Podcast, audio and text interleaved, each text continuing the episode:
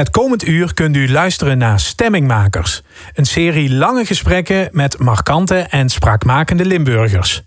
Vandaag met Tweede Kamerlid en Provinciale Statenlid Simone Kersenboom. Ze is volksvertegenwoordiger namens Forum voor Democratie. Een gesprek over de terugkeer van het nationalisme, een jeugd in Zuid-Afrika, het oranje gevoel, de zucht naar eenvoudig leven en rechtse politieke idealen. Luistert u naar Stemmingmakers met Simone Kersenboom, een programma van Frank Ruber.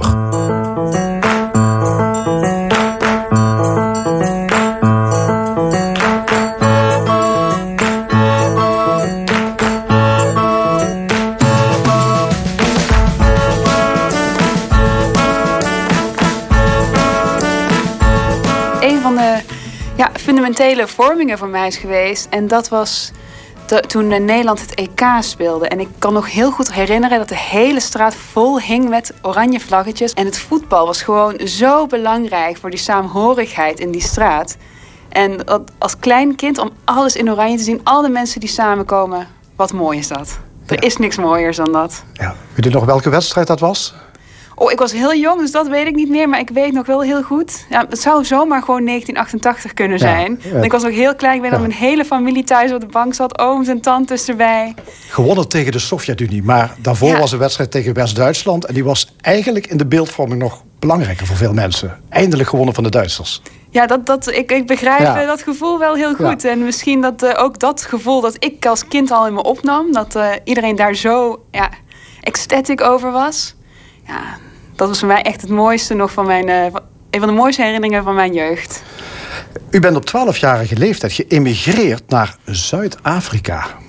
Dat is een bijzondere keuze. Ik neem aan van uw ouders. Eh, ja, het klopt. Nou, mijn moeder is eh, Zuid-Afrikaans en mijn vader is Nederlands. Maar die hebben elkaar ontmoet in Port Elizabeth, in Zuid-Afrika. Want mijn vader werkte daar voor een baggerbedrijf. En die hebben de haven in Port Elizabeth daar gebouwd. En ja, mijn vader heeft dus mijn moeder daar ontmoet. En die hebben een tijdje gedate. En toen moest mijn vader terug naar Nederland. En mijn moeder had hem een kerstkaartje gestuurd. En opeens dacht mijn vader, nee, dit is de vrouw van mijn dromen. Dus hij is weer terug naar Zuid-Afrika gegaan, mijn moeder gaan halen. En ze zijn terug naar Nederland gekomen. Maar mijn vader is, heeft altijd echt een diepe liefde voor Zuid-Afrika gehad. Het is natuurlijk een prachtig land. Maar we hebben gewacht totdat Zuid-Afrika natuurlijk wat meer stabiel was. Want het was ook gewoon op de rand van het burgeroorlog eh, in de, in de vroege jaren negentig. Want dit was in de eh post-apartheidperiode dat jullie daar naartoe zijn gegaan als gezin. Hè? De Ja, dat apartheid klopt. Het was in afgeschaft. 19, eh, 1996. Eh, kijk, in 1994 heeft Zuid-Afrika de eerste democratische verkiezingen gehouden.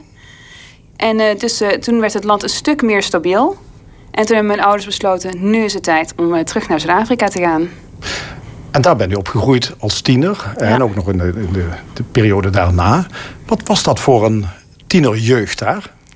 Ja, het is natuurlijk wel heel anders dan in Nederland. Zuid-Afrika is een veel meer conservatieve samenleving. Ehm, als je daar als eh, 12-jarige Nederlander opeens naar school moet gaan... en je opeens een uniformpje moet aandoen... en je haren moesten vast, mochten geen make-up, geen gel... ehm, geen oorbellen, geen ringen, korte nagels. Alles wat je als tienermeisje juist wel wil. Ja, precies. En, Ja. ehm, maar ik, eh, kijk, ik vond het natuurlijk verschrikkelijk toen ik 12 was en ik dat allemaal opeens zo moest beleven. En terwijl ik uit een hele vrije samenleving kwam. Maar tezelfde tijd, eh, ik vond die scholing daar ook, als ik nu terugkijk, dat het toch eh, heel belangrijk was. Want je wordt echt gestimuleerd om te presteren. Er is ook competitie op school. Maar je kunt presteren op zoveel verschillende niveaus.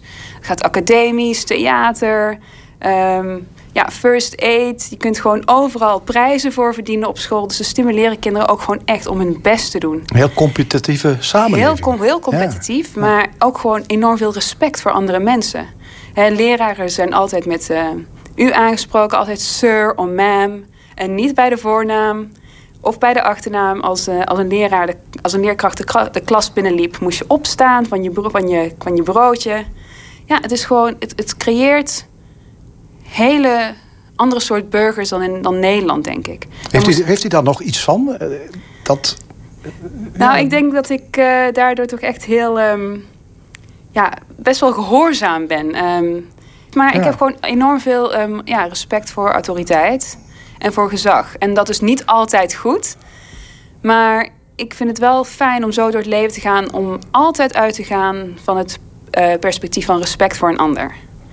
En dat levert ook heel veel op. En ja, ik, ik merkte wel toen ik terug naar Nederland kwam dat je dan, ja, dat je toch je een beetje moet gaan aanpassen aan hoe um, dat, Nederlands, dat de Nederlandse taal iets wat iets harder is. Nederlanders zijn misschien ook wel brutaler. Brutaler is daar misschien wel een goed woord voor. Maar ja, ik denk dat je zo gevormd wordt tot een best wel compleet persoon. Ja. ja. Ik las wel, jullie woonden in een huis dat ja, met hekken omringd was, echt beveiligd. Was dat bijzonder in Zuid-Afrika? Is dat, of is dat gangbaar?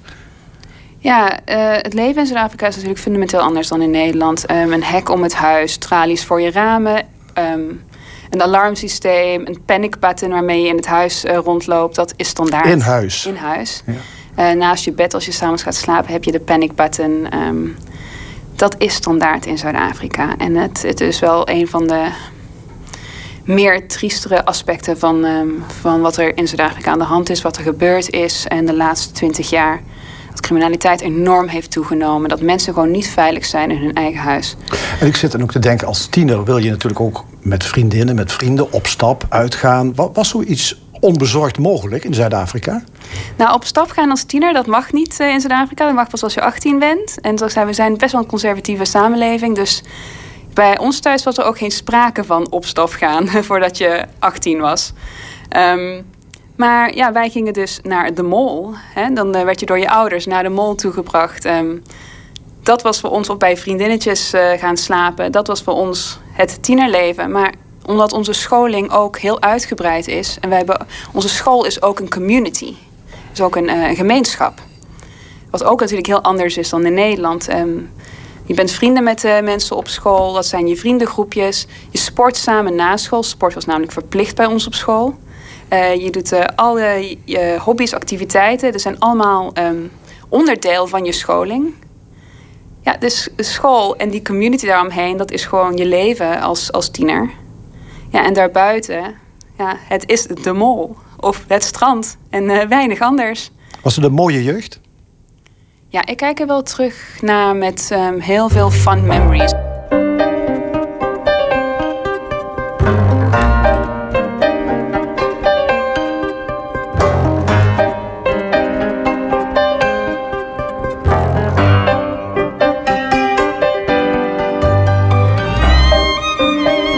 Simone Kersenboom groeide op ver van Nederland, in Zuid-Afrika.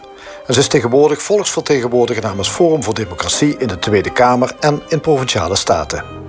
Haar politieke ideeën zijn gerijpt tijdens haar leven in Zuid-Afrika. Een land met mooie en rauwe kanten. Veel criminaliteit, grote verschillen tussen arm en rijk, raciale tegenstellingen, maar het is ook een mooi land. Het is, ja, het is een prachtig land. Uh ja, natuurlijk als je in de vakantie, als je naar familie toe gaat die aan de andere kant van het land woont, ja, dat is 1200 kilometer met de auto rijden.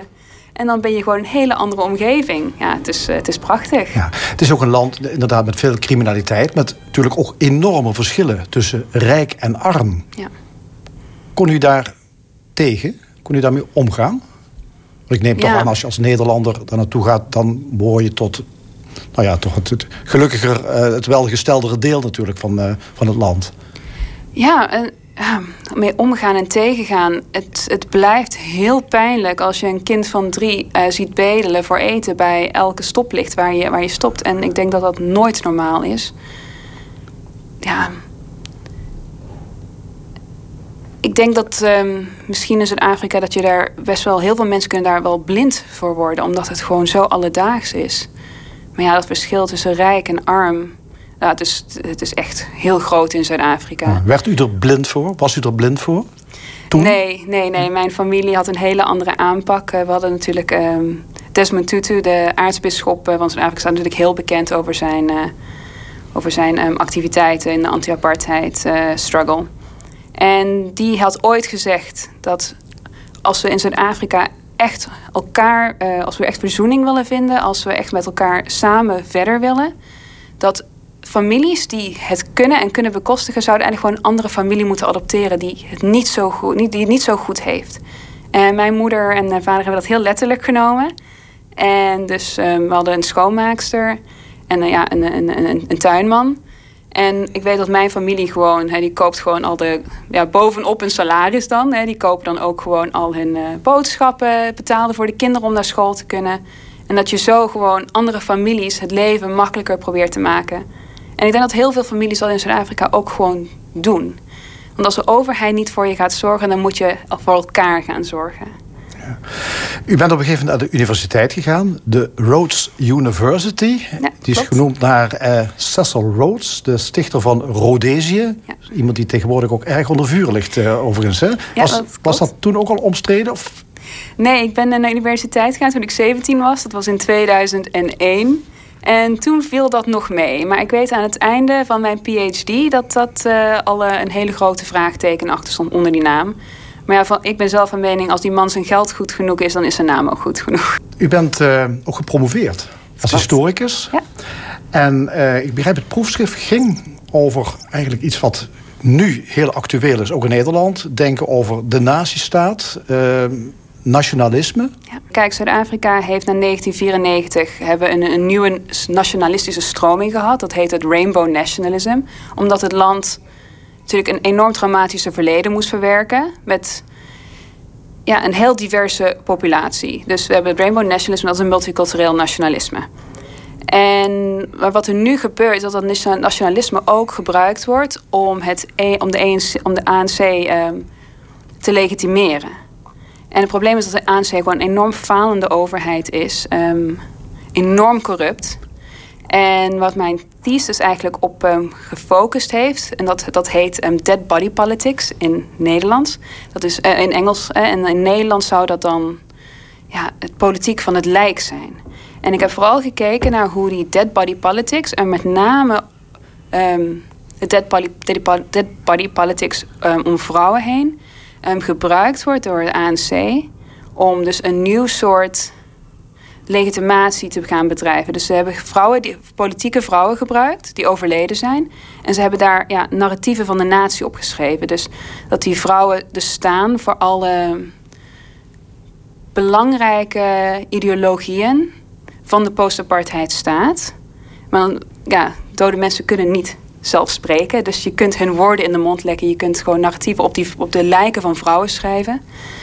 Uh, om hun eigen incompetences uh, te verbergen. Lijkt mij trouwens meer politicologie dan hist eh, historie, wat ik nu hoor. Want het is eigenlijk heel, ja, het is, je gaat niet heel veel terug in de tijd. Maar, ja, goed. Ja, maar, ja, maar kijk, historie, dat is ook natuurlijk de manier waarop we de geschiedenis gebruiken om het heden te legitimeren. En, en daar gaat het van uit. Kijk, Zuid-Afrika heeft over de laatste honderd jaar enorm veel nationalistische stromingen gehad. En die zijn allemaal op elkaar gebouwd en met elkaar vervlochten. En die, kun je, die zijn on, on, ja, losmaakbaar verbonden met elkaar. Dus het is nog, staat nog heel vast in de historie.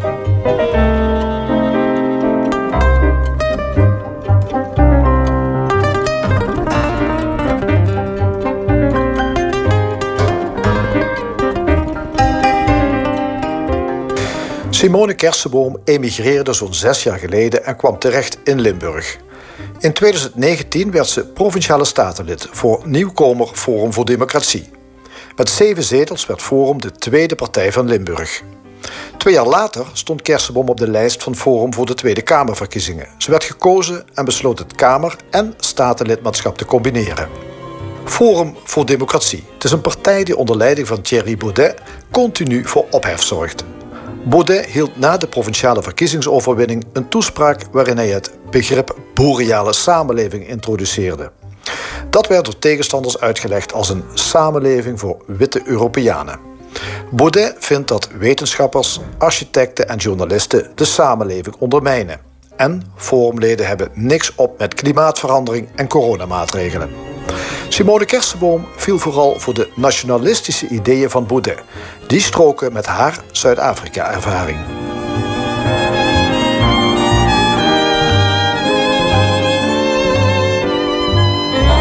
Wat Nederland gewoon echt nodig heeft, als je echt verder wilt als samenleving, is gewoon een sterke identiteit waar iedereen zich thuis kan voelen. En dat missen we heel erg enorm op het moment. Ja, zouden we dat ooit gehad hebben? Want uh, in het verleden hadden we natuurlijk ook. We hebben al, we zijn altijd verdeeld geweest. Hè? Ooit waren het de katholieken, de protestanten, de socialisten die tegenover elkaar stonden. Of nou ja, die in elk geval niet, zal maar zeggen, één groep vormden. Nu zie je inderdaad ook allerlei subgroepen. Ja, de vraag is, misschien is het van alle tijden. Ja, maar het blijft wel het streven voor iets dat ons samen bindt. En dat kan iets klein zijn, zoals we helemaal terug naar het begin, zoals voetbal. we hebben nu ook weer gezien met het EK, dat dat echt een moment is waarin mensen opeens alles loslaten en samen feest vieren, omdat er iets gebeurt dat van ons is. En dat gaat ook met, met tragedie, gebeurt dat ook met de Tweede Wereldoorlog en daarna. Hoe we altijd samenkomen met MH17, hoe we altijd samenkomen als er iets zo erg gebeurt dat ons allemaal raakt. Ja, en ik denk dat we daar toch aan vast moeten blijven houden. Dat we moeten gaan zoeken naar de dingen die ons samenbrengen. Want anders gaat het gewoon fout hier. Want waarom is dat zo belangrijk volgens u? Dat, uh, dat zoeken naar een ja, nieuwe nationale identiteit voor Nederland? Nou, als ik nu kijk wat er gebeurt, hè, dus met, met, met wokeness, met um, identiteitspolitiek. We duwen mensen in hoekjes. En in, in, in, in hokjes eigenlijk, pardon. We duwen mensen in hokjes waar ze niet meer uitkomen. En je merkt het ook in de politiek. Het verhardt. Onze samenleving verhardt. En daar wordt niemand beter van. Maar als we juist op zoek gaan naar iets wat ons allemaal bindt, dan op sommige momenten dan maakt al, al die kleine verschillen maken dan op dat moment niet meer uit. En kijk, dat zoeken naar een nationale identiteit waarin we allemaal thuis voelen, dat betekent ook niet noodzakelijk dat je oog verliest voor de verschillen die er wel zijn. Je moet echt voorkomen dat het een soort van hele dunne muurpapier wordt die de kraken in de muur gaat bedekken. Daar, dat, dat, dat, wil je juist voorkomen. Maar wat het zoeken naar die nationale identiteit wel kan betekenen, is dat we juist ook gaan kijken wat zijn die verschillen en wat is nodig om juist naar die nationale identiteit te komen. Als u zegt, eh, we, zijn, we zouden eigenlijk op zoek moeten gaan naar een, ja, nieuw soort nationalisme, iets wat ons allemaal bindt. Uh, ik denk dat bij veel mensen dan dat, die, die dat toch met argusogen aanzien. Want die denken nationalisme, dat heeft in het verleden natuurlijk geleid tot uh, verschrikkelijke rampen. Het, de opkomst van het nationalisme in de 19e eeuw heeft uiteindelijk uh, in Europa natuurlijk tot, verschillen, tot verschillende oorlogen geleid. Moet je dat wel willen, nationalisme? Is dat niet gewoon heel gevaarlijk? Nou, ik denk dat het, woord, dat het gewoon een heel vies woord is geworden in Europa. Want als je kijkt naar, de, naar de, alle koloniale landen, het nationalisme heeft daar een heel belangrijke rol gespeeld in de bevrijding van die landen.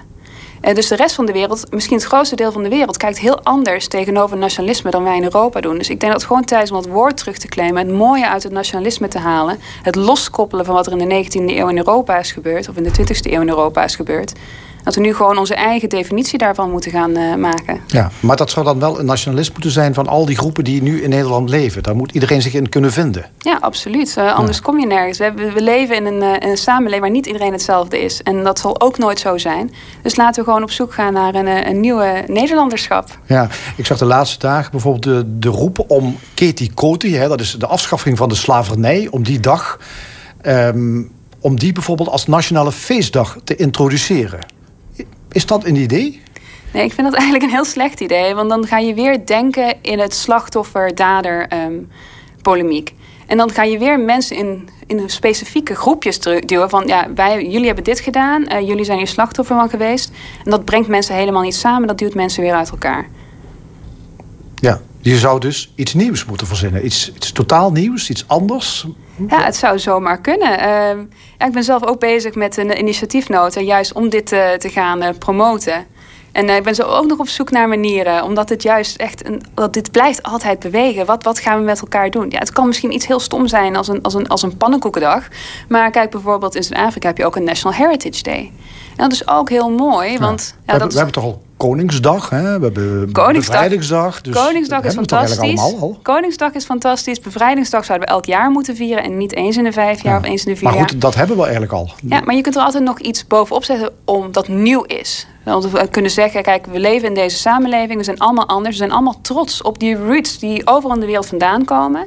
Maar we zijn ook trots op het Nederlanderschap. Dus laten we iets gaan zoeken dat dat ook viert op dezelfde dag dat jij kan zeggen: Oh, ik ben, ben, ik ben van Marokkaanse afkomst, ik ben daar trots op. Maar ik ben ook trots op het feit dat ik hier woon, dat dit mijn land is.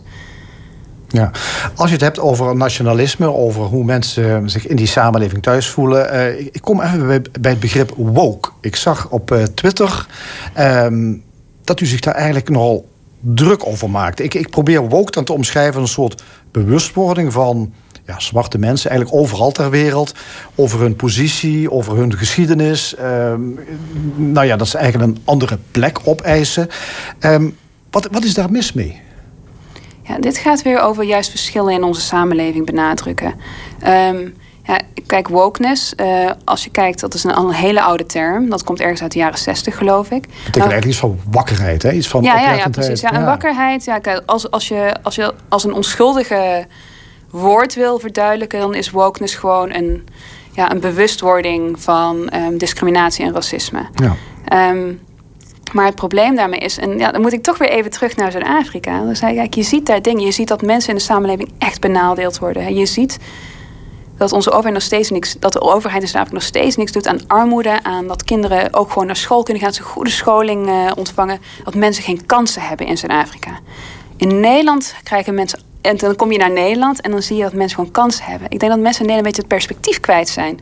Dat we het gewoon enorm goed hier hebben en dat we echt niet op zoek moeten gaan naar verdeeldheid. Dat, ja, dat, maar het is ook gewoon een narratief die we gewoon hebben geïmporteerd uit de Verenigde Staten. En die ik persoonlijk vind geen plek heeft in Nederland. Ja. Maar als er een groep mensen is die zich ja, achtergesteld voelen, dan zou je er toch naar moeten luisteren. Dan is blijkbaar dat gevoel aanwezig bij een deel van de bevolking. Die vinden dat ze verkeerd behandeld zijn, misschien verkeerd behandeld worden, dat ze achtergesteld worden, minder kansen hebben dan is dat toch een, denk ik, een oprecht gevoel waar je rekening mee moet houden. Maar ik denk dat we ook rekening mee moeten houden dat dit hele kleine groepjes activisten zijn. Dit is niet het gevoel in de samenleving. Dit zijn activisten die heel hard roepen op de kade. Maar het, ik denk, dit is niet het stem van het volk. Ja, de, de, dus het afschaffen van al die straten die naar onze zeehelden genoemd zijn, eh, dat is, uh, dat is geen goed idee. Daar vind ik, uh, kan ik u niet uh, in meekrijgen, denk ik. Nee, nee, absoluut niet. Nee. Het is gewoon, we hebben gewoon een geschiedenis. En of die nou mooi of niet is, dat is onze geschiedenis. Dat is de geschiedenis die dit land groot heeft gemaakt. Um, en ik denk juist, het prachtige is hè, van standbeelden of namen die controversieel zijn, dat die nog steeds in de public space zijn. Dat het juist mooier wordt gemaakt door het contrast met het heden en het verleden. En dat dat juist weer de lessen leert. In plaats van dat we een geschiedenis gaan uitwissen. Ja. Maar zou je bij het standbeeld van Jan Pieterszoon Koen misschien een uitgebreidere uh, verhandeling moeten plaatsen met uh, ook de, zeg maar zeggen, de zwarte kant van het verhaal? Nee, ik ben heel erg tegen het uh, politiseren van, uh, van, van, van public history. Hè. Kijk, dat blijft. Je kunt het, want dan gaat het in tien jaar weer veranderen. Het is gewoon een slecht idee om, het, om de geschiedenis altijd vanuit een huidige context te beoordelen. We moeten die geschiedenis gewoon zien in de context waarin het gebeurde. En een museum is dan misschien een hele mooie plek om dingen erover te zeggen, maar niet bij standbeelden of uh, dingen in de publieke ruimte. Nou, ik ben uh, Ruby Driessen. Ik ben fractievoorzitter voor de fractie Forum voor Democratie in de Provinciale Staten van Limburg. En dat doe ik inmiddels uh, bijna een half jaar uh, als vervanging van Simone Kersenboom. Simone Kersenboom is naar de Tweede Kamer vertrokken. Nou, ik woon in Reuver, Noord-Limburg. En ik kom origineel uit Venlo, ook Noord-Limburg. En u kent Simone Kersenboom dus kwaliteiten qua uit de Staten. Precies. Kennen jullie elkaar ook als persoon goed? Ja, we hebben elkaar leren kennen in 2018 ongeveer. Toen we geselecteerd werden voor de Provinciale Staten. En sindsdien nauw samengewerkt. En daarnaast um, is het in de turbulente politiek um, ook wel een klein dingetje... dat je een klein beetje een band ontwikkelt... omdat je heel veel dingen samen doet. Diepe dalen, hoge hoogtepunten. Dus je leert een persoon wel kennen. Dus jullie bellen elkaar wel vaker, ook buiten het politieke um, geweld om? Ja, ja. Ja. Forum is een relatief nieuwe partij, zeker in Limburg. Dit is de eerste periode in de Staten. Hoe gaat zo'n eerste ontmoeting met een collega statenlid? Onze eerste ontmoeting was uh, vrij turbulent. Toen kwamen we dus net de staat in. Ik kwam ietsjes later, omdat ik eigenlijk in Brabant ook verkozen was. En er een plek vrij kwam in Limburg, uh, omdat Ruud Berlet uh, gedeputeerde werd. Dus ik sloot iets later aan. Toen leerde ik Simone Kersenboom kennen, zoals destijds fractievoorzitter. En het was al een turbulente periode. Ze hadden net de onderhandeling achter de rug. Dus we kwamen vooral in een hele hectische periode terecht. Um, waarin een formatie plaatsvond en een heel team aan mensen voor het eerst op een plek zat waar ze nog nooit gezeten had. En we moesten met z'n allen kijken hoe we dat uh, zouden gaan doen. Was voor iedereen nieuw. Dus uh, stressvol en turbulent was de periode. Uh, het beste beschrijven. En dat vormen mensen denk ik wel heel erg. Als je met z'n allen in iets nieuws belandt, wat niet heel gemakkelijk is. En dan leer je mensen wel heel persoonlijk kennen. Wat drijft Simone Kersenboom? Um, wat drijft Simone Kersenboom? Simone Kersenboom is heel erg uh, perfectionistisch, dat ten eerste. Um, ze wil alles zo goed mogelijk doen en dat zien we ook heel erg terug in het werk. Zo heb ik er ook leren kennen. Um, ze zal altijd alles overwegen, overleggen, heel veel. terwijl het werk dat ze doet er al heel goed uitziet. Dus een, een typisch perfectionistisch persoon. Um, en wat er echt drijft, intrinsiek. Nou, ze heeft die achtergrond in Zuid-Afrika. Ze heeft gezien waartoe een samenleving kan leiden. En hoe dat er dan uitziet en hoe dat vorm krijgt. En is uiteindelijk teruggekomen naar Nederland. En heeft mijns inziens gezien dat Nederland een beetje datzelfde traject aan het volgen is. Dus dat daar een, eenzelfde patroon in te ontdekken is. Dat we een, heel erg spelen op identiteitspolitiek. Dat we meer ingaan op wie is de persoon in plaats van op de inhoud. En ik denk dat haar dat aan de ene kant heel erg beangstigd heeft. Ehm, of in ieder geval dat noodlot gezien heeft. Um, maar aan de andere kant ook heel erg strijdvaardig heeft gemaakt. En heeft doen besluiten om de politiek in te gaan. Zij zit in de Tweede Kamer. Thierry Baudet is de partijleider. Is iemand die um, erg de aandacht op zichzelf weet te vestigen. Ook met ideeën komt die bij andere politieke partijen meestal op weinig steun kunnen rekenen. En uh, doet dat ook vaak met ja, de nodige bombarie. Um, Simone Kersenboom lijkt mij een heel ander karakter te hebben. Ja, dat klopt. Simone Kersenboom heeft een stuk uh, meer ingetogen karakter. Um, constructief ook. En altijd bereidwillend om ergens mee mee te denken. En om in oplossingen te denken. En het uh, mooie daaraan vind ik dat we het resultaat in de laatste twee jaar... Um, dat we daarvan kunnen zien dat we best wel heel veel bereikt hebben. En dat ze daarmee, uh, ook met de charme die ze overbrengt op andere fracties... De voorzichtigheid uh, die ze betracht, Ehm, dat dat toch zijn, zijn, zijn weerslag heeft in het resultaat wat ze neerzet. Ja. ja. Ik zie Thierry Baudet als een ongeleid projectiel. Ik zie Simone Kersenboom als iemand die serieus aan het werk gaat. Kan dat, gaat dat samen überhaupt? Ja, dat kan heel goed samen. Ik denk juist dat het heel belangrijk is. Dat... Maar leggen die niet continu met elkaar in de clinch daar in de Tweede Kamer? Nee, dat, eh, dat hoop ik niet. Dat denk ik ook niet. Want Simone is namelijk wel iemand die um, heel erg op zoek is naar, um, naar oplossingen. Die heel erg perfectionistisch is. Die dus ook heel graag zou willen zoeken naar um, wat mogelijk is en wat zou kunnen. En doorgaans ook iemand die zich extreem vastbijt in een dossier. Ik kan me herinneren dat ze voor een, uh, voor een opdracht, ik geloof wel drie of vier boeken in een tijd heeft gelezen, alleen maar om vragen te stellen. Um, en dat moest dan allemaal in een heel, een heel kort tijdsbestek gebeuren. En dat is wel exemplarisch, denk ik, voor hoe Simone Kersenboom opereert als ze ergens mee bezig is. Ja, ze is zelf historica, een intellectueel. Terwijl uh, Thierry Baudet uh, juist wetenschappers, journalisten ook wegzet als mensen die de samenleving ondermijnen. Leidt zij daar dan niet onder? Dat denk ik niet. Ik denk dat ze daarin misschien wel een klein beetje um, eenzelfde visie hebben. Want het gaat bij Thierry Baudet niet per se over de personen, academici, wetenschappers, et cetera. Maar meer om de werkwijze die tegenwoordig heel normaal is geworden. Dat, iedereen, dat het in de wetenschap heel erg normaal is geworden om naar consensus te zoeken in plaats van kritiek te leveren. En ik heb Simone ook leren kennen als iemand die heel graag wel zoekt naar of iets wel daadwerkelijk klopt en of iets daadwerkelijk wel zo in elkaar zit. Het voorbeeld wat ik zojuist noemde, uh, het onderzoek doen door drie, vier boeken te lezen voordat ze überhaupt vragen gaat stellen, is daar uh, een heel goed voorbeeld van. Als u haar een tip mag geven, wat is haar grootste valkuil? Waar moet ze voor oppassen? Als ik Simone een tip zou mogen geven. Uh, nou, dat weet ze zelf denk ik ook wel. Ik denk dat Simone veel vaker de dingen gewoon moet doen. Uh, omdat ze er vaak al heel goed uitzien. En dat het helemaal niet nodig is om, uh, om nog meer onderzoek te doen. Of nog meer te overleggen voordat ze iets doet. Want meestal kunnen niet heel veel mensen tippen aan het werk dat ze levert.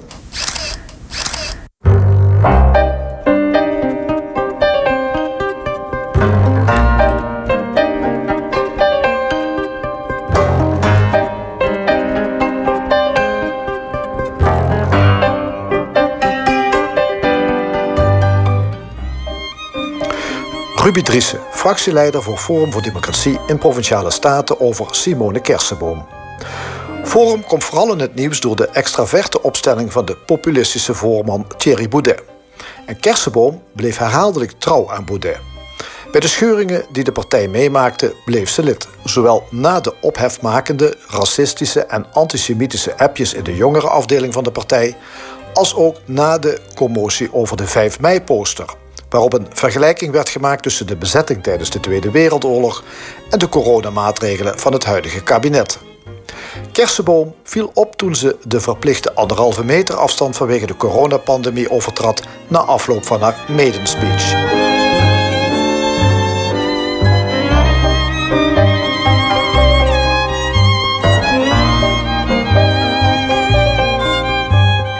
Thierry Baudet die zei of die, schreef laatst... Uh, Forum zal ophef zijn of Forum zal niet zijn. Dus dat betekent dat er altijd wel reuring is. Dan lijkt u me helemaal niet het type om mensen tegen elkaar op te zetten... om ze een beetje op te jutten. Om, eh, maar ik denk dat ophef niet mensen tegen elkaar opzetten is. Hè? Dat, dat is juist het debat overbreken. Het over dingen hebben waar we het gewoon met, waar we, waar we niet durven over te praten, maar waar we het wel echt over moeten hebben.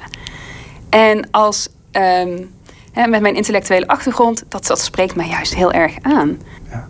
Heeft u wel eens getwijfeld of het slim is, of het verstandig is, of het goed is om lid te blijven van Forum voor Democratie? Nee, ik heb daar nooit twijfel over gehad. Maar omdat het standpunt van de partij, ons programma is nooit veranderd, onze, onze idealen zijn nooit veranderd, waar wij voor streven is nooit veranderd. Dus daar komt helemaal geen twijfel bij te staan. Omdat er persoonlijke problemen zijn met mensen die dan bang worden voor eh, kritiek.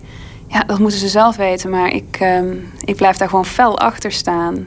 En ik ben ook niet zomaar in de politiek terecht te komen. Dat gaat ook gewoon uit een liefde voor dit land. En om daarvoor te willen vechten. En ja, dus uh, bij mij geen twijfel.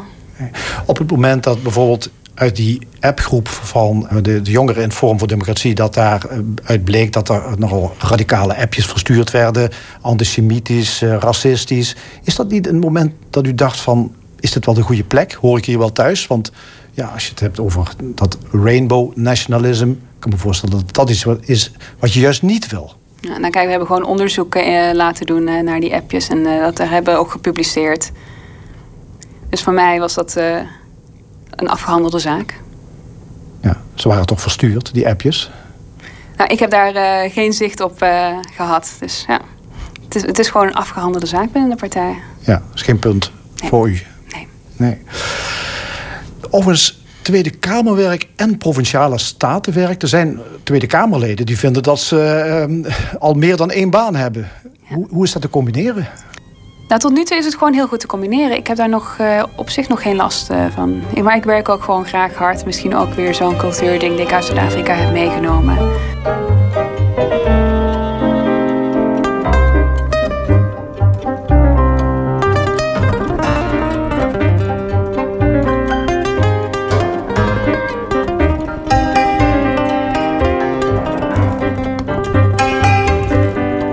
Echt van genieten een dag? dat, het, dat politiek even niet hoeft?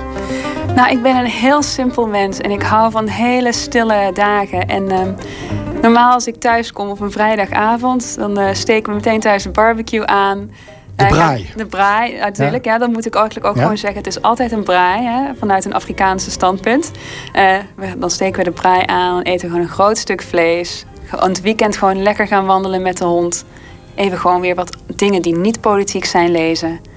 Nee, ik hou van een simpel leven. En daar is Limburg ook gewoon perfect voor. Ja, een simpel leven. Maar ja, simpel leven kan heel rijk zijn natuurlijk. Absoluut, ja. ja, ja. Zijn er situaties dat je mag liegen om iets te bereiken? Oeh, dat is een interessante vraag. Ik moet zeggen, vanuit mijn eigen. Nee, nee, nee. Vanuit mijn eigen upbringing uh, zou dat uh, niet mogen. Dat zou dat niet kunnen. Nee, ik vind oprechtheid uh, bereik ik altijd veel meer mee als je liegt, dat wordt. Mijn moeder zegt altijd: If you lie, we'll find out. Somebody will find out about it. En dan heb je de pop aan het dansen. Een leugentje om best wil? Nee, oprechtheid, ja. Oprechtheid, uh, dat, dat wint altijd. Maar ik heb natuurlijk ook een beetje een Engelse achtergrond. En daar zijn we heel bekend voor dat we, omdat we niet onaardig gevonden willen worden, dat we, dat we liegen niet, maar we hebben gewoon een andere manier om dingen te zeggen. Dus als we iets eigenlijk niet leuk vinden... Daar zijn Engelsen heel goed in. Hè? Daar zijn de Engelsen... Zo netjes mogelijk te houden. Ja, ja. precies. En, uh, en, en, dat zit wel een beetje in mij om dingen altijd zo netjes mogelijk te willen houden. Maar ik denk dat het toch iets anders is dan liegen. Dat is gewoon een, een, een netheid, een respect voor etiket. Ja. ja. In 2015 um, zag ik, bent u teruggekeerd naar Nederland. Ja, klopt. Dan kom je trouwens in een land met vier seizoenen, denk ik weer. En Zuid-Afrika, hoeveel zijn er daar? Ja, we hebben ongeveer twee seizoenen in Afrika. We hebben winter en we hebben zomer. Oké, is er een van de seizoenen die daar ontbreken die u gemist heeft? Oh, de herfst. Ik vind de herfst in Nederland geweldig. Uh, dan kun je ook gewoon zien hoe alles verandert, de kleuren veranderen.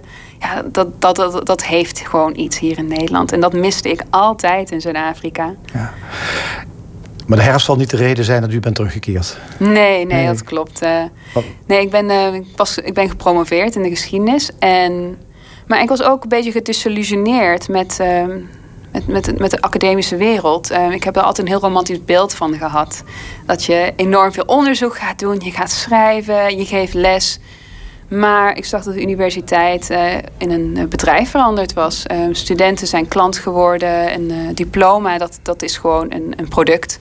En als docent ben je vooral bezig met, ehm, met rapporten schrijven. En je bent gewoon bezig met administratie. Oké, maar ja, als je teleurgesteld bent in het universitaire systeem in Zuid-Afrika... hoef je nog niet naar Nederland terug te gaan. maar het was toch, was toch iets van... Ja, en natuurlijk, kijk, je bent hier ik ben hier opgegroeid, ik ben hier geboren. Uh, ik ben naar Zuid-Afrika verhuisd, maar je blijft altijd wel heimwee voelen. Uh, ik merkte als ik op vakantie kwam naar Nederland, dat was vooral in de zomer. Als je dan, dan de weilanden ziet en de koeien en al die bloemen. Ja, en de kerktorens ergens achter uh, op de horizon. Dat heeft iets, dat zit in je DNA, dat voel je. Dat, je weet gewoon dat dat onderdeel is van wie jij bent. Dus Nederland bleef altijd wel trekken. En natuurlijk, kijk, leven in Zuid-Afrika is best wel stressvol. Um, dus ik dacht, ik ga ja, met het desillusionment over, um, over de academische wereld. En dan samen met al die andere aspecten. Ja, ik, ja, zo, ik pak mijn koffer en ik, uh, ik kom naar Nederland. En toen uh, ben ik terechtgekomen in Maastricht bij een vertaalbureau. En dat uh, was het begin van een heel nieuw leven. Een nieuw appartement waar ik heel eerst heel erg schrok... omdat er geen tralies waren voor de ramen. En ik dacht, oeh, is dit wel veilig? Ja, en dan, dan ga je aanpassen aan een nieuw leven in een nieuwe stad. Op een gegeven moment bent u terechtgekomen bij Forum voor Democratie. dat is toch al redelijk snel uh, na uw terugkeer dat u uh, daar, daarbij kwam. Ehm, hoe is dat gegaan? Waar kwam die belangstelling opeens vandaan voor, voor die partij? Nou, um, in 2017 waren de Tweede Kamerverkiezingen. Dat is de eerste keer dat ik mocht stemmen. Dus ik dacht, nou, ik ga even wat degelijk onderzoek doen naar welke partijen in Nederland aanwezig zijn moet eerlijk zeggen, ik had nooit eh, over politiek nagedacht. Ik dacht gewoon huisje, boompje, beestje, Nederland, fantastisch. Maar ja, kijk, je, merkt natuurlijk wel dat we. Eh, ik ben uit een land gekomen waar mensen uit elkaar gespeeld worden door al die discussies over identiteitspolitiek. En Zuid-Afrika, daar gaat het echt fout. Daar, daar, daar, wordt, dat, dat wordt met geweld uitgedrukt. En opeens zag ik in Nederland dat precies dezelfde discussies aan het voeren zijn. Terwijl, zoals ik zei, in Nederland hebben we gewoon zoveel kansen. Mensen mogen alles doen. Ze kunnen alles aanpakken wat ze willen. En dus toen kwamen de verkiezingen. Ik mocht uh, op een partij stemmen. En mijn vriend had me het boek van, um, van uh, Thierry gegeven uh, over The Significance of Borders. Dat is dan de Engelse vertaling van aanval op de natiestaat. En ik weet niet precies meer het woord dat Thierry gebruikte in dat boek. Maar het kwam wel neer op multicultureel nationalisme. En ja, ik ben daar gewoon een groot voorstander van.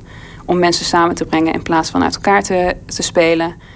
En dus nou, dan ga ik gewoon op die partij stemmen. Ik vond het gewoon een fantastisch. Ik vond het een intellectuele partij. Dat ook voor mij als, uh, als, met mijn PhD ook aansprak. Dus ik heb gewoon op uh, die partij gestemd. En kort daarna uh, kon je je actief aanmelden voor Forum voor Democratie. En ik dacht, ja, ik kan zeuren over wat er in Nederland gebeurt. Ik kan me daar zorgen over maken.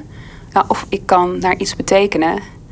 En dat ook gewoon dat geluid laten horen dat we saamhorigheid moeten gaan promoten en uh, niet verdeeldheid.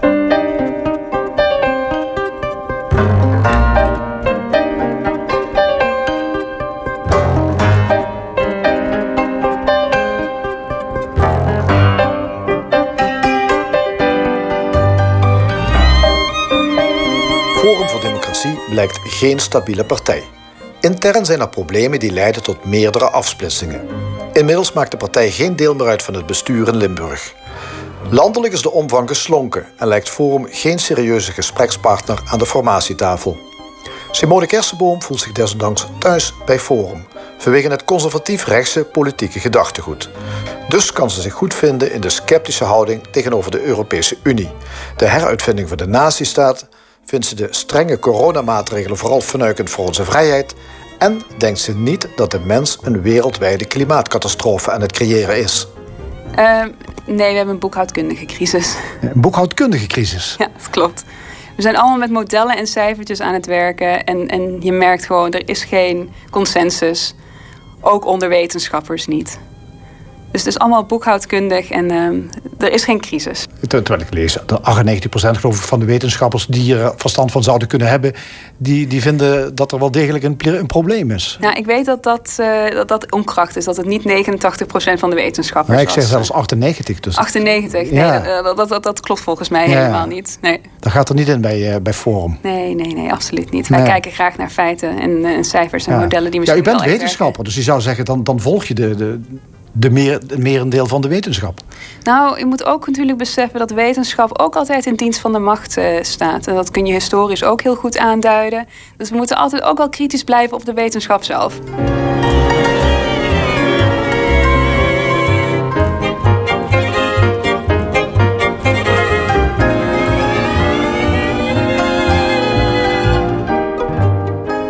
Wij vragen al onze gasten die meedoen aan stemmingmakers om een haiku te maken.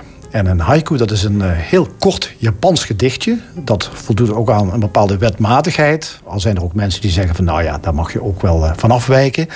Ja, ik heb u ook gevraagd om er eentje te maken. Zou u hem willen voordragen?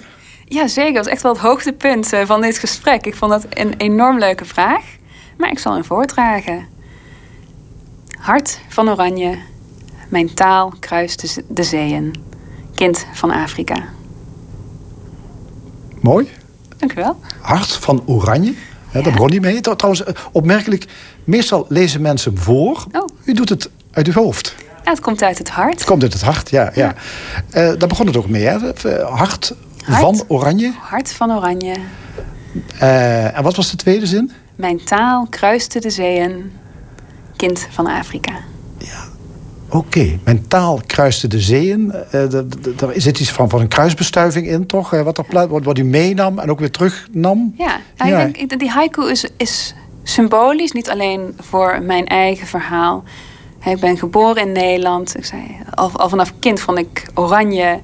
En dat samenhorigheidsgevoel vond ik al prachtig. Dat begon al bij dat prachtig. voetballen toen, hè, 1988. Ja, ik vond Ja. dat fantastisch. Dat nationalistisch gevoel op dat moment. En ja, je spreekt Nederlands in Nederland. In Zuid-Afrika spreken we Afrikaans. Dat is een taal die wij meege die, hè, die ook 300 jaar geleden, die wij meegenomen hebben vanuit Nederland naar Zuid-Afrika, naar het meest zuidelijkste puntje van Afrika, waar het over de jaren heen in Afrikaans veranderd is. Dus daarom mijn taal, niet alleen mijn taal, maar de taal van Nederland heeft een zee gekruist om tot een andere taal te worden. En daarbij komen we het kind van Afrika. Daar ben ik opgegroeid. Het is natuurlijk ook onderdeel van wie ik ben. En hetzelfde gevoel dat de Afrikaners eh, in Zuid-Afrika hebben, dat zij kinderen van Afrika zijn. En dat ze daar horen dat dat hun land is. En dat ze daardoor gevormd zijn. En ook al spreken ze Nederlands, of een vorm van Nederlands. Hoe zou die haiku in het Zuid-Afrikaans klinken? Oeh, ik ga even proberen. Uh, dus mijn hart van oranje. Mijn taal, het is zeer gekrijs. Kind van Afrika. Nou, ik vond het gewoon mooi om te horen. Ja. ja. ja. Um, overigens, over, over dat Afrikaans gesproken. Um, ik, ik, sprak u eerder in een uitzending en daar zei u... Um, Afrikaners, uh, die zouden eigenlijk een soort... Recht, nou, nou, een soort, die zouden recht op terugkeer moeten krijgen... om weer naar Nederland te komen. En u zegt van, ja, die mensen die zou je weer... een, een verblijfsvergunning in Nederland moeten geven. Ja. Hoezo? Nou, kijk, als, we, als je kijkt naar de huidige situatie in Zuid-Afrika, waar ze bezig zijn met een grondwetswijziging om land um, af te pakken van Afrikaners zonder compensatie. Dus dit is gewoon land stelen. En we weten allemaal dat privaat eigendom aan het